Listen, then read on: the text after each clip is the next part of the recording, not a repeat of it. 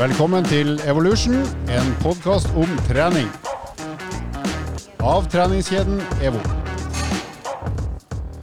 Og med disse ord er podkasten Evolution nok en gang i gang, i gang, i gang. Eh, vi eh, skal snakke med Maren Kristine Gran i dag, og nå skal vi snakke om eh, hennes liv som fitnessutøver og hva som skjer i perioden rett inn, inn mot konkurranse og rett før konkurranse og selve konkurransegjennomføringa.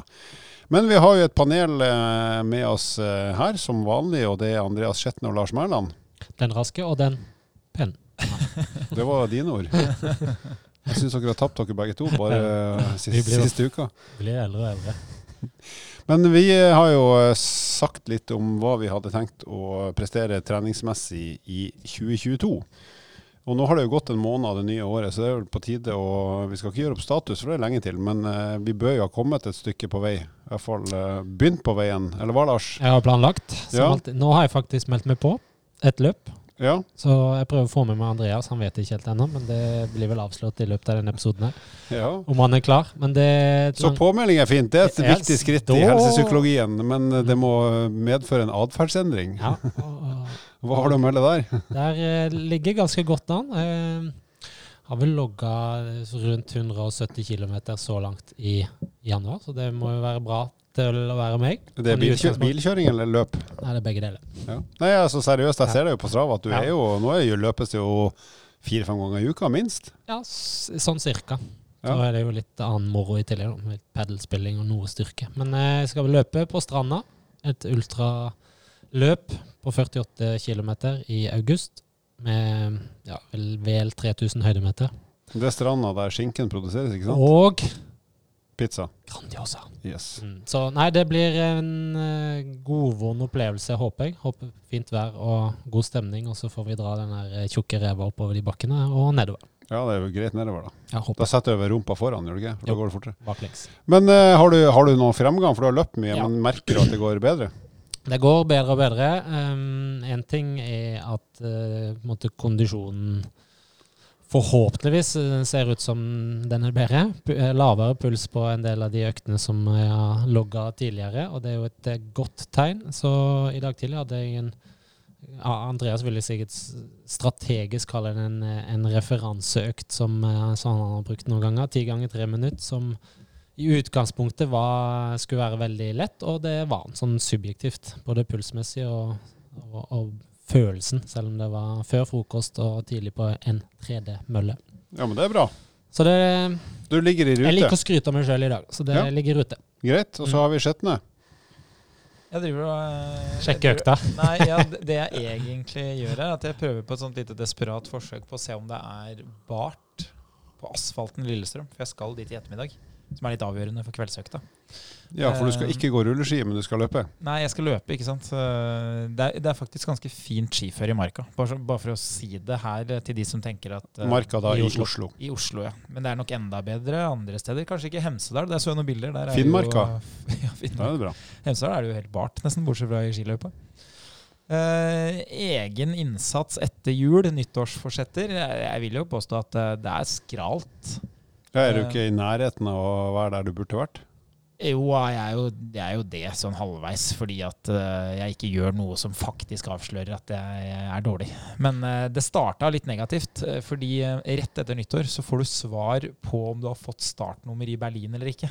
Og da når jeg ikke fikk eh, startnummer i Berlin, så da rakner liksom eh, litt av motivasjonen der. Og det var der jeg kom inn fra sidelinja, og det jeg ikke har sagt, men jeg har meldt Andreas opp på. På stranda. Skinke- Skinkelotteri. Skinkeløp på, på stranda. Nei, altså jeg, jeg må jo se på litt eh, muligheter. Men det, jeg har jo trent. Men det som har skjedd, da, det er at i løpet av de siste tre-fire månedene så har jeg jo vært eh, sånn småsjuk tre ganger. Og I tillegg så har jeg tatt uh, den der, eh, vaksinedosene. Og jeg har jo tydeligvis ganske sterk immunrespons, så jeg går jo ned for telling hver gang jeg tar det. Så, men nå tror jeg jo at jeg fremover skal, skal være i form, så det har gått egentlig ganske greit. Og alt det her korrelerer jo, korrelerer jo bemerkelsesverdig med at du, det faktum at du har blitt far. Ja. Eller i hvert fall fast Det- barnevakt. Og det er jo noen hjemme som drar på seg noen sykdommer òg, som bare slår ut i full blomst hos meg. Så, men fordelen, da, eh, det er jo, som vi snakka om eh, før sending her, det er jo nesten vår ute. Så det er ingenting mellom f.eks. Bygdøy og eh, Tjuvholmen, Som er to plasser i Oslo. Ja, som er to plasser i Oslo, som, som vitner om at det er januar. Så du kan jo løpe her i samme antrekk som du hadde på deg i oktober. Det er Ja, du kunne noe- nesten kjørt deg Oslo Maraton-antrekket ditt med splitshorts og litt sånn eh, tight eh, overdel der.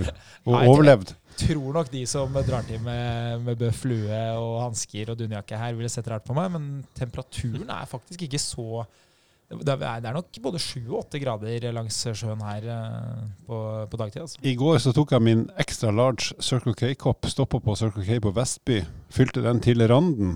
Og så kjøpte jeg meg en is, og så satte jeg meg utafor Circle K i vårsola i januar og spiste is uten å, uten å fryse. Så det var åtte-ni plussgrader og sol. Hvilken is spiste du? Uh, det var den der um, Hva heter den der pinneisen med sånn uh, sjokolade og litt nøtter i? Ikke Oreo, men eh, den er som det fins åtte varianter av.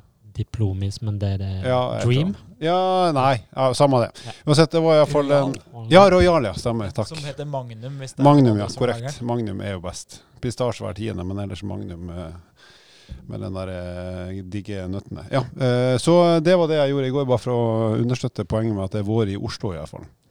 Hvordan ligger du an til ditt mål? Jeg ligger godt an, både i forhold til sykling. Eh, nå ligger jeg på intervaller der jeg har eh, 400 watt i 3 minutter og 15 sekunder, og så kjører jeg åtte av de uten at det er noe livskrise. Så da blir det vel 3.30-drag eh, neste gang. Og så er jo knebøyen er jo det store spørsmålstegnet. Der har jeg nok Der tror jeg fremgangen fra nyttårsaften kan måles i promille. Selv om jeg gjør litt Promille fra nyttårsaften, eller i Eh, ja, begge deler. begge deler. Men eh, jeg har jo bemerka at jeg observerer øktene dine på Strava, så jeg føler jo at jeg er med å dytte litt på motivasjonen her for å faktisk prestere. Det hjelper jo at folk kommenterer på øktene, enten det er positivt eller negativt. For da får man jo lyst til å enten ljuge eller gjøre det bedre. Det er vel derfor vi legger det ut. Selvfølgelig. Det. Så for lytterne så får du gå inn og følge oss og Se se, se hva vi holder på med. Jeg har, jo, eh, jeg har jo en hel haug med følgere som jeg ikke vet hvem er. Det er jo litt morsomt. Det er ikke sikkert det er så morsomt for dem å se at jeg driver og løper i ring, men, eh, men Jeg har ingen følgere jeg ikke kjenner. jeg har 43 følgere, og alle kjenner det. Men det er hyggelig. Bra, da skal vi eh, nok en gang tilbake til temaet fitness. Men nå skal vi få høre litt om hvordan det er å være utøver når det nærmer seg konkurranse.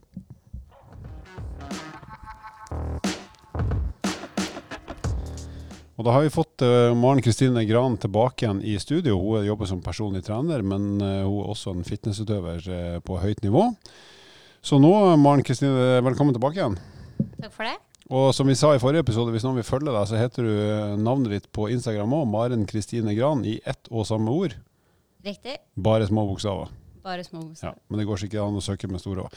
Men nå skal du fortelle oss litt, og lytterne, om eh, hvordan det er å drive med fitness når det nærmer seg konkurranse. For i siste episode vi snakka med deg, så snakka vi om hvordan var et vanlig liv som fitnessutøver når du egentlig ikke har noen konkurranse å tenke på, men bare lever som, kall det normalt, trener, spiser, og hvordan det ser ut.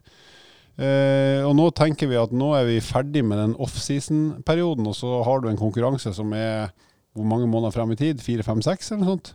Eh, ja, jeg begynte på dietten eh, seks måneder før konkurranse, da. Ja, så du, nå sier vi at nå er du inne i den seksmånederssyklusen der du skal frem mot konkurranse. Så hva er det som forandrer seg da i forhold til det livet du har hatt frem til eh, du begynner å spisse mot konkurranse? Da skal jeg jo da ned i vekt og fettprosent, så da gjelder det å legge meg i et eh, kaloriunderskudd. Så vi begynte vel med å senke kaloriene.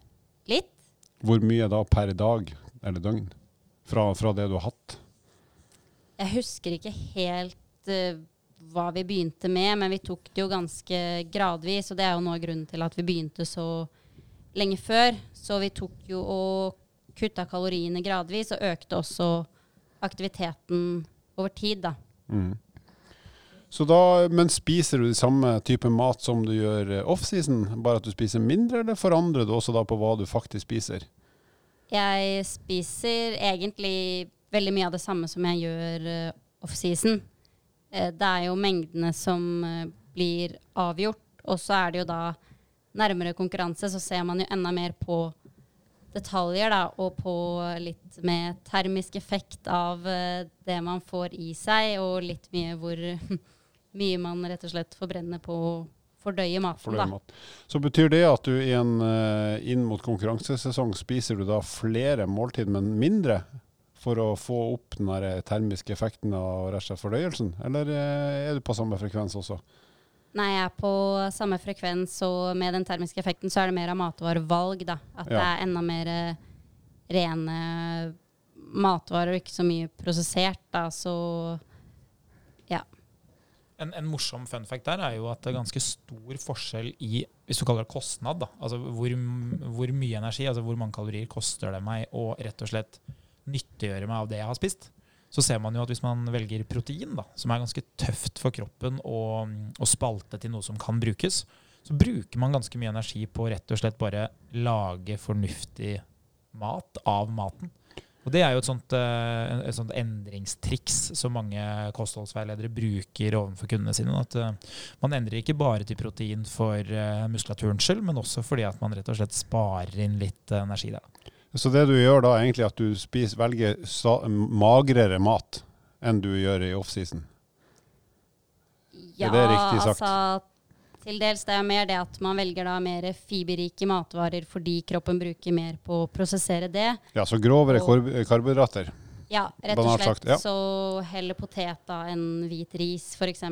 Og mer da kylling enn la oss si proteinpulver, da, fordi det krever mindre av kroppen å ta opp proteinpulver enn det det gjør å spise Mm. kylling, da. For eksempel. Ja, Riktig.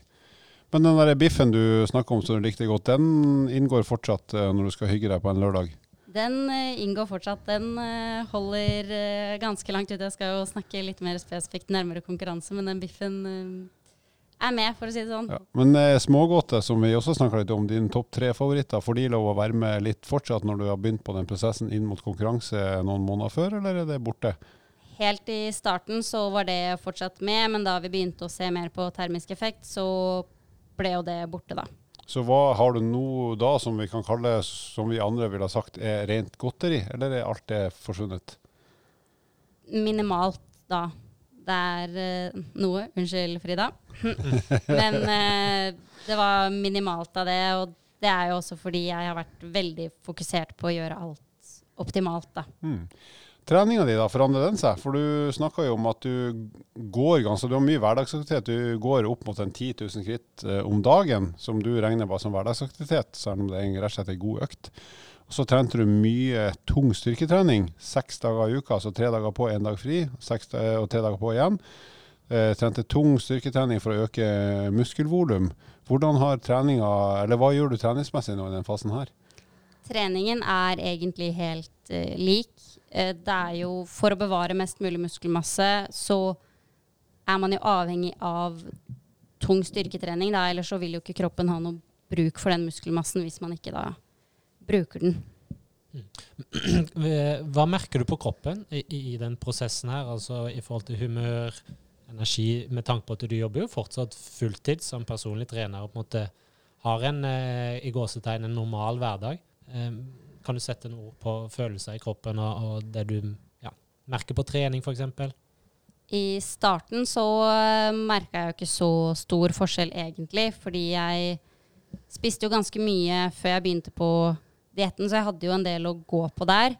Men etter hvert som jeg kom ut i dietten, så merka jeg om, ja, at jeg hadde mindre energi, rett og slett. Det var ikke like mye overskudd der, og trening var ikke like gøy, for du klarte ikke å pushe det like langt, da. Så det var en del frustrasjon og nesten noen tårer som kom eh, iblant, ja. Det var det. Men du merker altså etter hvert at du, du klarer ikke å løfte like tungt som du har gjort tidligere. Rett og slett for at du har ikke den samme energien i kroppen som i offseason f.eks. Ja, stemmer. Men sånn humørmessig, da, blir du eh, Jeg vet jo hvordan jeg blir når jeg er trøtt og lei og sliten og kanskje har spist litt lite og sovet litt lite. Blir du hissigere eller mer eh, følsom, mer lei deg eller mer aggressiv? Hvordan blir du når du etter hvert eh, blir sliten? For det blir man jo av å holde på med det her. Jeg merka egentlig ikke så mye forskjell eh, på humøret, egentlig. Ble ikke så mye mer grumpy eller noe, men det var nok også litt av matvarevalg også, da. For jeg gikk jo ikke rundt og var så sulten heller, fordi jeg var veldig flink til å spise mye grønnsaker og fylle opp magen, da. For det er jo klart at hvis man går rundt og det rumler i magen og du føler deg tom, så vil man jo bli mer irritert enn når magen er full, da. Mm. For prinsippet er jo ikke utgangspunktet at man skal sulte seg til et resultat her. for det, Du vil jo fortsatt eh, gradvis trappe ned, sånn i utgangspunktet, som, som en del av planen. Så man, eh, kroppen er jo fantastisk sånn sett, så han tilpasser det jo det inntaket som er. Men samtidig så holder du oppe eh, motivasjonen på trening, i hvert fall eh, i utgangspunktet. Du gjør den jobben som skal til. Og Ja. det, ja. det som er kult her, er jo at man kan kalle det sammenligning, for dette er jo i prinsippet eh, litt sånn toppidrett, fordi man lager en plan. Man er veldig tro mot planen fra, fra A til Å, og så man, har man målet der fremme og skal prestere på det. Bare det er noen elementer inni her som på en måte ikke er kall det forenlig med toppidrettslivet, og det går jo på hvor mye mat man får inn for å klare å kunne prestere godt nok på trening. Ja, altså det er jo toppidrett, men i og med at man ikke skal yte på en måte maksimalt når du står på scenen, da, i form av prestasjon som å løfte noe eller noe sånt noe, så det blir jo litt andre prinsipper der. Men man lever jo som en toppidrettsutøver egentlig, da, for alt må tilrettelegges. Det er jo, man lever som en toppidrettsutøver, bare at man har vanlig liv. Og nå, når det kommer, nå er du jo langt inne i fasen her. Når vi ser at nå, du, nå begynner det å nærme seg konkurranse eh, virkelig. Når er det du liksom tuner inn mot Hvor tett inn på konkurransen eh, tuner du liksom det siste rest av eh, variabler for å liksom sikre at du er best mulig forberedt på selve konkurransedagen? Er det ei uke før, eller en måned før, eller når er liksom de aller siste finpussen? Jeg var jo ganske i rute i form, da, og fettprosent og poseringer og alt mulig, så det var jo ikke så stress for meg der. Men det er jo siste uka før konkurransen, så er det jo litt ja, andre spesielle greier. Og hva er de spesielle greiene? Nå må du fortelle, eh, for det er veldig mange her som lurer på hva er det egentlig dere driver med på slutten der. For det er jo åpenbart at det er ganske heftig regime i forhold til både i forhold til det du har sagt så langt, men også i forhold til hva folk egentlig skjønner og vet. Så nå må du ta oss inn i den hemmelige verden her den siste uka før. Hva driver dere med da? Eh, siste uka før, da var det jo litt sånn eh, Ja, som ikke har med kost og trening og sånn, men da var det jo liksom Da måtte jeg først fikse vipper og hår og negler. sånn Vipp sånn da er øyevippa, ikke sant? Øyevipper, ja. Ja, ja. Helt riktig. Mm. Eh, men det er jo utenom en sånn på kostholdet og det, så er man jo da helt nøyaktig, for da har jo Frida, da, min coach, lagt opp og regna ut i forhold til salt, hvor mye salt jeg skal ha i meg. Akkurat nøyaktig hvor mye vann. Og da er det jo også veldig viktig å treffe på karbohydrater også, da. Så det var jo Notatene mine på mobilen den uka er eh, ganske morsomme, fordi jeg har regna ut da saltet da, på matvarer.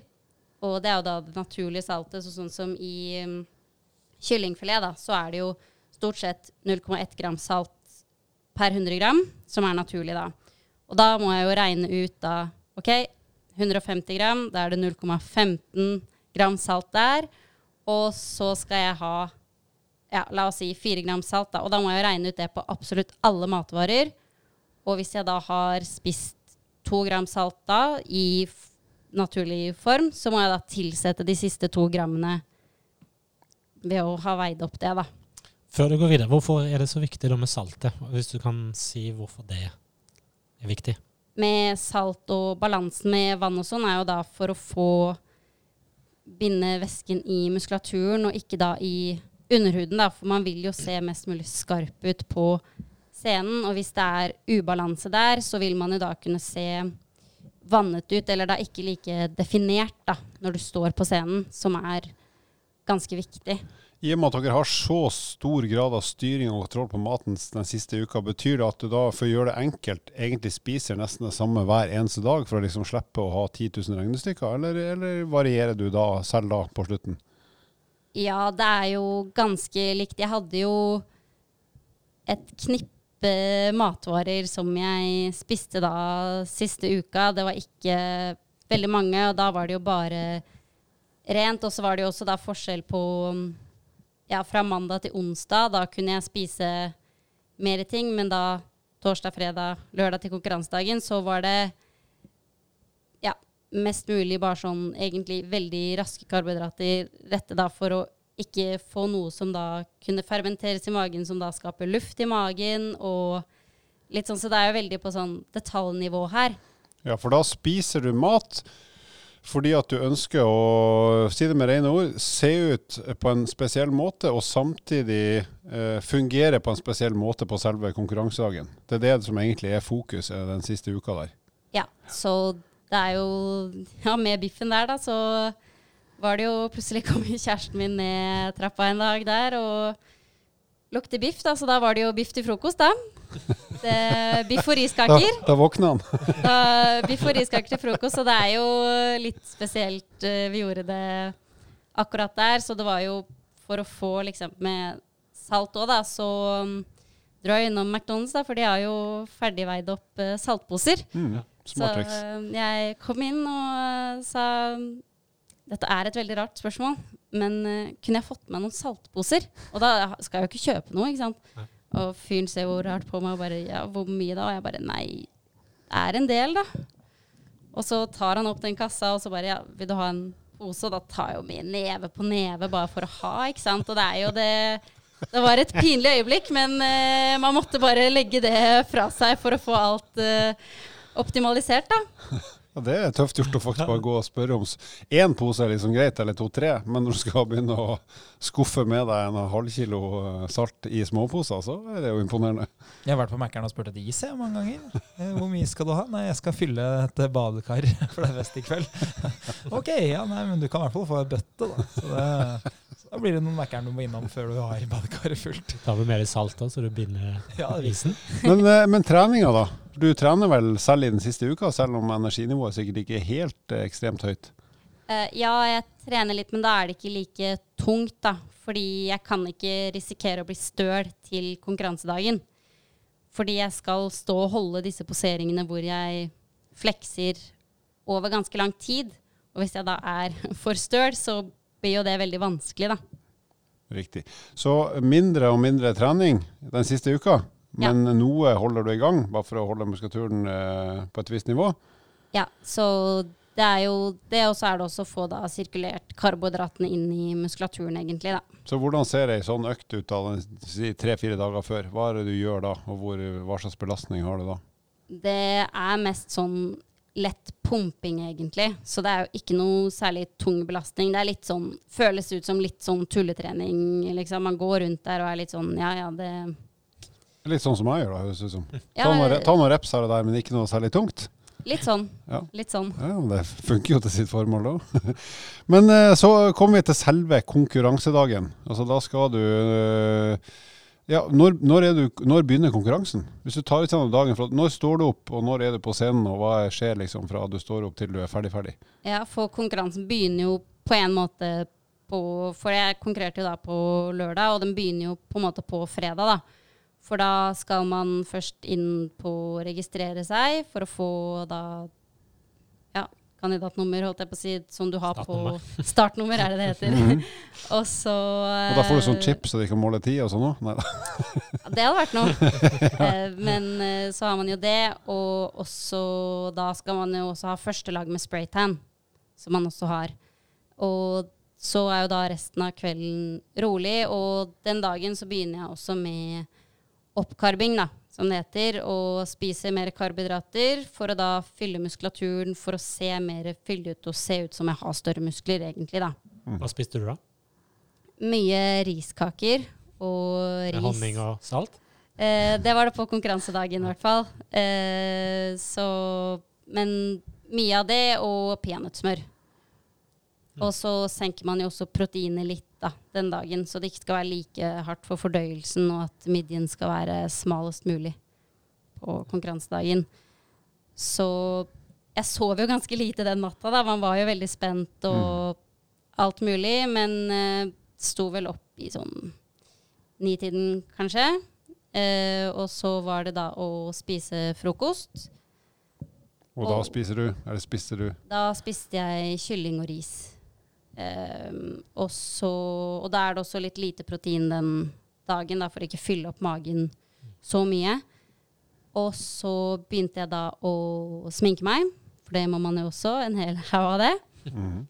Eh, og så drar man jo da til stadion, holdt jeg på å si, der hvor det er Og da er det da et nytt lag med spraytan. Og så ligger jeg da og slapper av litt frem til det nærmer seg min tur, og så spiser jeg også litt Når, på, når klokka er det du skal vise deg fram, eller stille opp? Jeg var vel på i fire-halv fem-tiden, tror jeg det var. Og Da har du spist frokost, sminka deg, kjørt spraytan. Har du noe bevegelse, trening eller noe mer mat før du skal på scenen da, eller? Eh, ikke så mye bevegelse selv, men jeg spiser jo litt jevnlig, og da også fyller jeg på med en del karbohydrater. Og også da litt nærmere scenen, så er det også da litt mer salt for å få da pump da i muskulaturen, så den ser fyldig og stor ut. Og når det nærmer seg min tur da, så begynner jeg også å pumpe opp litt med strikk, for å da få mer blod i muskulaturen også Ja, Så da, det øker blodgjennomstrømningen i muskulaturen. rett og Ja. slett. Mm. Er Som igjen gir større volum, da. Ja. Det er det jeg og Andreas pleier å gjøre før vi går på stranda. Har hørt noe, noe pushups-greier eller noe sånt fra Andreas. Så det Helt normalt. Det har jeg aldri hørt om. Aldri hørt om. Jeg tipper til og med Halvor har vært på guttetur hvor eh, det er ti mann i pushups contest. Vi pleide å ha med oss en brystpress over hele verden. Det å bære den var pumpeffekten. Yes, da eh, begynner vi å nærme oss veldig at du skal på. mm, Så da har jeg begynt å pumpe opp litt, og så blir det jo da ropt opp at OK, nå skal min høydeklasse på. Så da, på første konkurranse, så måtte vi jo da opp en trapp og alt sånt, som var risikosport i seg selv, med 11 cm høye hæler. Men bare spørre deg, der, altså der stiller dere etter høyde, ikke vekt. Det er Ja. det som er definisjonen Jentene er av da etter Ja. eh, høyde. Ja. Eh, og så går man da opp og pumper kanskje, og så får man også da på glaze, som det heter, som er noe oljeaktig for å highlighte da de punktene man vil vise fram, da. Det er ikke for å skli ned trappa hvis man ramler. Det, det, det er ikke hensikten. Det hadde vært litt, uh, litt, uh, litt dumt.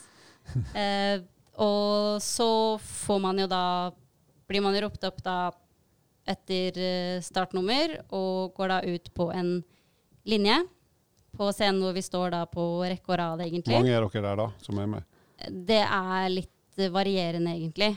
Det kommer an på hvor mange som er Men påmeldt. hele, he, alle, alle deltakerne i din høydeklasse er, Ja. kommer ut? Ja. Ja. Og da står man jo da og skal gjøre da kvartvendinger, som det heter, som da er poseringer. Og da har man først en front pose, hvor man står da med ansiktet til dommerne. Og så har man da en kvartvending til høyre, hvor man da står med venstre side mot. Og så er det da kvartvending igjen, så man står med ryggen til. Kvartvending igjen da, andre vei. Og så da tilbake til frontpost, da. Og så står man jo da mot dommerne, og de samler inn tall og gir poeng og sånn. Så går man av scenen da, og venter da på um, finalen. Og da er det en backstage der som roper opp hvem som da har kommet til finalen. ja, for da har dommerne gitt sine poengscorer på hver enkelt deltaker ut fra de fire rotasjonene på scenen. Ja, og utstråling og Ja. alt. Hvordan er poengsystemet? Er det terningkast, eller er det 1 til 10, eller kjører de hoppsport med 20. 80-20? Nei da, det er eh, ni dommere, og så er det jo da avhengig av hvor mange mm, som er påmeldte da, i det. Men de, de setter på en måte første, andre, tredje, fjerde, femte De, plassen. da. de, de rangerer dere, rett og slett? Så de rangerer Ja. oss, ja. Og så er det vel da de to beste og to dårligste rangeringene som blir strøket. Så det er gjennomsnittet av de fem, da, så det blir mest mulig fair. Eh, og da går du da på Så har du Har alle dommerne satt deg på første, da, så har du fem poeng, liksom. Så det er om å gjøre å ha lavest score, Ja, sånn, egentlig, da. Ehm, og så har man jo da i en finale, som jeg kom til, så har man jo da noe som heter iWalk, som er eh, din egen eh, ja, rutine, på en måte, da. Hva, på- hvor lang, hvor lenge var det den?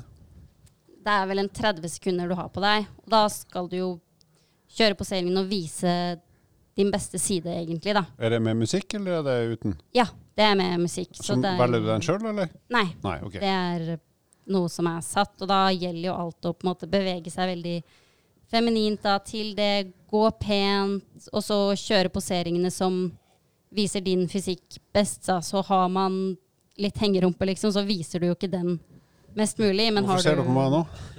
det um, Kanskje ta et hint med de knebøya, knebøyene dine, Halvor. Kanskje det.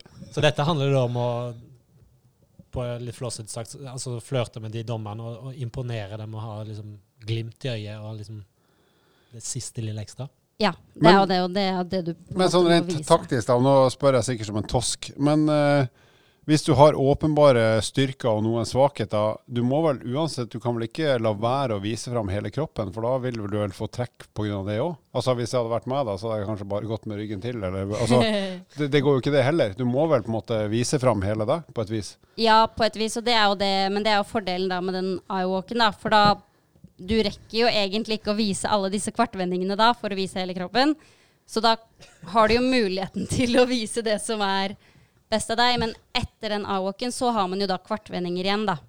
Hvor man, så det man hadde første runde der, det er jo det på nytt. Med alle på scenen samtidig. Med alle finalistene da på scenen samtidig. Og da må man jo vise hele kroppen igjen, da. Kommer ikke over at uh, deltaker nummer åtte kommer ryggende ut på scenen Det er skiller meg for ut, da. Halvor Laustad går med ryggen til. dommerne. Og da er det jo det, hvis du ikke gjør som dommerne sier da, så kan du få gult kort eller rødt kort, som kan gjøre at du kan bli diska rett og slett også, da. Så du kan bli bedt om å gå av scenen nå. Ja, det er såpass. kan du. Har det Ja. skjedd noen gang? Seriøst? Eh, det har nok skjedd, ja. Eh, men eh, nå vet jeg ikke hvor ofte det er at de ber deg gå av scenen, men det er i hvert fall at du kan bli trukket i poeng, da. Fordelen er at du står riktig vei for å gå rett av, da. Det er jo, Ja. det er jo Fem. Det, det stemmer bra.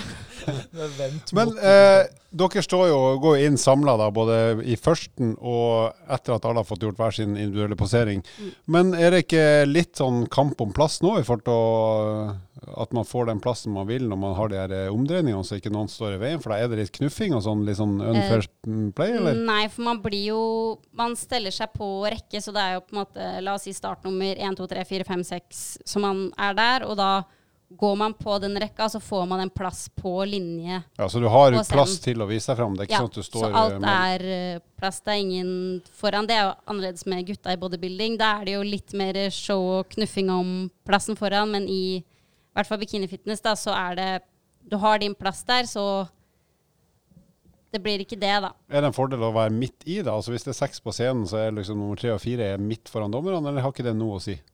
Det kan jo være det, men det er jo så fint der at man har sånn at man fordeler plasser, da. Så den som står på midten, må bytte plass med en av de som står på sidene, så alle skal få sin der. Og det er jo litt med lyset også, ikke sant, hvordan det treffer. Så det er ganske fair sånn sett. Så etter da den siste eh, gjennomgangen da alle har vært på scenen sammen og rotert en kvart runde til man er rundt, er, da er du ferdig-ferdig og venter på avgjørelsen, eller er det mer du skal gjøre da? Nei, da er man ferdig og venter da på premieutdeling, da. Hva gjør du da når du går av scenen på høye hæler og kommer deg ned i trappetrinnene som du er redd for å snuble i? Du, hva skjer da? Da er man jo litt nervøs, da. Ja? Og øh, venter bare på dommen, på en måte. Kan også snakke litt med coachen da om hva du gjorde riktig. Og det gjør man jo også da mellom den første runden og finalen òg, da. Ok, hva må vi gjøre bedre til finalen her for at du skal se enda bedre ut? Og hvor lang er ventetida da fra du har gått av scenen til du får resultatet? Det er litt avhengig av hvor mange høydeklasser som blir kjørt mellom, men eh, for min del nå så var det ikke så lang ventetid.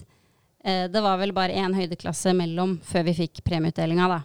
Så litt avhengig. Før har det vært et annet opplegg at man har gått gjennom alle klasser og så premieutdeling, men nå har det vært sånn at man har kjørt noen høydeklasser og kjørt alle rundene der, og så har det vært premieutdeling, da. Så du må egentlig bare stå klar da, til å ut og egentlig vise det fra den beste side igjen. I utgangspunktet, selv om det ikke er noe konkurranse, da, men du må jo stå klar med høyhælte sko. og Ja, man uh, må jo det. Ja. Det skal jo liksom se bra ut på premieutdelinga òg. Og så blir det jo tatt bilder også, ikke sant. Så Så når du har fått resultatet, da er det opp på scenen igjen for å motta, motta resultatet og premie? ja. Så da står man på bakre linje da, og så blir man ropt opp da én og én, da. Og når du er ferdig med det, da er du ferdig, ferdig. Er du ikke det? Jo. Er det da er det man ferdig, ferdig. eh, rett og slett låser løs med både mat og drikke som man har hatt lyst på i lang tid? Ja, så det var jo Nå var det jo én uke mellom første og annen konkurranse, så jeg gikk jo ikke helt uh, klikk heller. Så, men etter første konkurranse da, så blei det jo burger og litt snickers og litt sånn. Og så var det jo back on track igjen da dagen etter, da. Men etter andre konkurranse da, så var det jo litt mer uh, fri flyt. Men uh, man takler jo ikke så mye. Altså, jeg fikk jo vondt i magen der, og selv om jeg ikke klikka helt, for man er jo ikke vant til den type mat heller, da. Men eh, ja. Så da er det mer eh, chill igjen. Og så var vi da etter noen dager tilbake på en reverse diet for å da jobbe meg opp i kalorier og få helsa Hva er, det du, hva er det du koser deg med, da? Hva er det du unner deg sjøl rett etter at du er ferdig med konkurransen og vet at nå er, nå er konkurransesesongen slutt, nå skal jeg inn i offseason? Hva, er det du- hva er det du har savna mest? Du sa burger. Er det noen andre ting Ja. som, som du bare har, virkelig har glede av å spise for at det er lenge siden sist? Det er jo burger og søtpotetfries som på en måte er uh, favoritten. Mm. Og det er jo det jeg så mest uh, frem til. Annet enn det så var det litt som bare hva man følte for. Men det ble jo litt uh, Ben Jerry's også der, da. Også ja. Spiser man da sammen, eller koser seg sammen med de man har konkurrert med, eller stikker du hjem, eller stikker du ut, eller hva? det er litt uh, forskjellig hva man gjør, men uh, vi dro bare hjem og spiste. Så da spiste jeg med kjæresten min og fikk litt tid sammen der, da. Mm. Og feira òg. Mm. Ja, så bra. Nå det var det noe drikke òg som du liksom har holdt deg unna, som du tenkte at nå skal jeg sukkerbrus, eller om det er gin tonic eller øl, eller er det, er det maten som er liksom det som er mest kos? Maten er jo mest uh, kos, uh, egentlig. Og nå er jeg ikke så, drikker jeg jo ikke noe særlig sukkerbrus uansett. Men uh, det blei jo en brus ved siden av, da. Uansett, da. En Sprite Zero. Sprite Zero. Ja, det er godt. Hva sier dere gutta, skal vi prøve oss i mastersklassen i fitness? Ja, altså, jeg kan jo igjen, Vi var jo inne på vår fitnesskarriere i forrige episode. og Min lille fitnesskarriere, den, eh, den eksisterte i Kiev i Ukraina i 2012. Det var liksom viktig å se bra ut på stranda der under fotball-EM. Det var det eneste som var målet. og og, og Det er bra å legge opp til å se bra ut på det, ukrainske strender, det er ganske sært. Ja, det var, det var det viktigste. Så, så det lille jeg kan eh, relatere til her, og ikke minst motiveres for, det, det var tilbake i tid. Nå er det ikke så viktig lenger. Nå, nå skjønner man at det krever ekstremt mye Mm. for å stille i kategorien, eller stille i en sånn type konkurranse. Jeg tror jo i beste fall her, hvis vi stiller, så må vi jo håpe på en sånn Eddie the Eagle-effekt. At uh, vi er så fjernt fra de andre deltakerne at vi blir sånn eh, maskotter for dårlig prestasjon. Ja, vi blir klovnene, ikke sant? Ja. Som Så kanskje er kult, men ja. kanskje egentlig ikke. For, for seriøse utøvere er ikke det veldig kult. For det er eh, tight nok eh, skjema i seg selv, så hvis noen er useriøse, så er det ikke like kult at de tar opp scenetid, egentlig. Altså. Ja, og det skjønner jeg faktisk. Det gjelder jo egentlig all sport. Og at hvis, hvis den dårligste får mer oppmerksomhet enn de som faktisk har trent lenge, lenge, lenge og, og brukt livet sitt til å oppnå noe, så er det kjipt. Selv om TV-tittelen kan synes at det er gøy med den dårlige, så er jo det litt kjedelig for de som faktisk har gjort jobben. Ja, og så er det jo Det er jo litt flaut også å på en måte stå der, og så har du ikke gjort noe av jobben som Mm. egentlig kreves heller, da. Så det er jo ja, balansegangen der. Men det vi ser her, da, for å trekke litt sånn eh, paralleller til egentlig all mulig annen trening og, og idrett, for den skyld, det er jo at skal du bli god til noe, så må du holde på mer enn et kvarter. Det tar tid. Du må være strukturert. Og du må treffe på hvordan du trener, og du må treffe på hvordan du spiser. Så det er egentlig veldig overførbart til egentlig enhver fysisk, kall det prestasjon da, i en eller annen form. Så det tenker jeg, det som er litt kult her, da, at det her er jo en verden som de fleste ikke har et forhold til.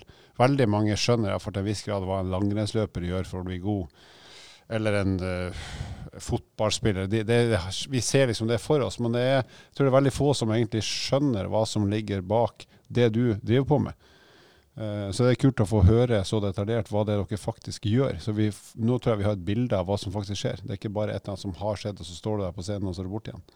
Og så er det viktig, noe alle kan egentlig ta med seg, det er jo at du òg, selv om du kan ekstremt mye trening og kosthold, så har du jo oppsøkt en coach, en trener, som følger deg på å lage planene og gir feedback når du var på scenen underveis i prosessen osv. Det, det tror jeg nok er veldig nyttig for, eh, for alle som har et mål der fremme, å få litt hjelp på veien, om det er mentalt eller om det er sparing eller videre. Det, jeg tror det er lettere å nå målene sine hvis man har eh, noen ved siden av seg, sånn i utgangspunktet.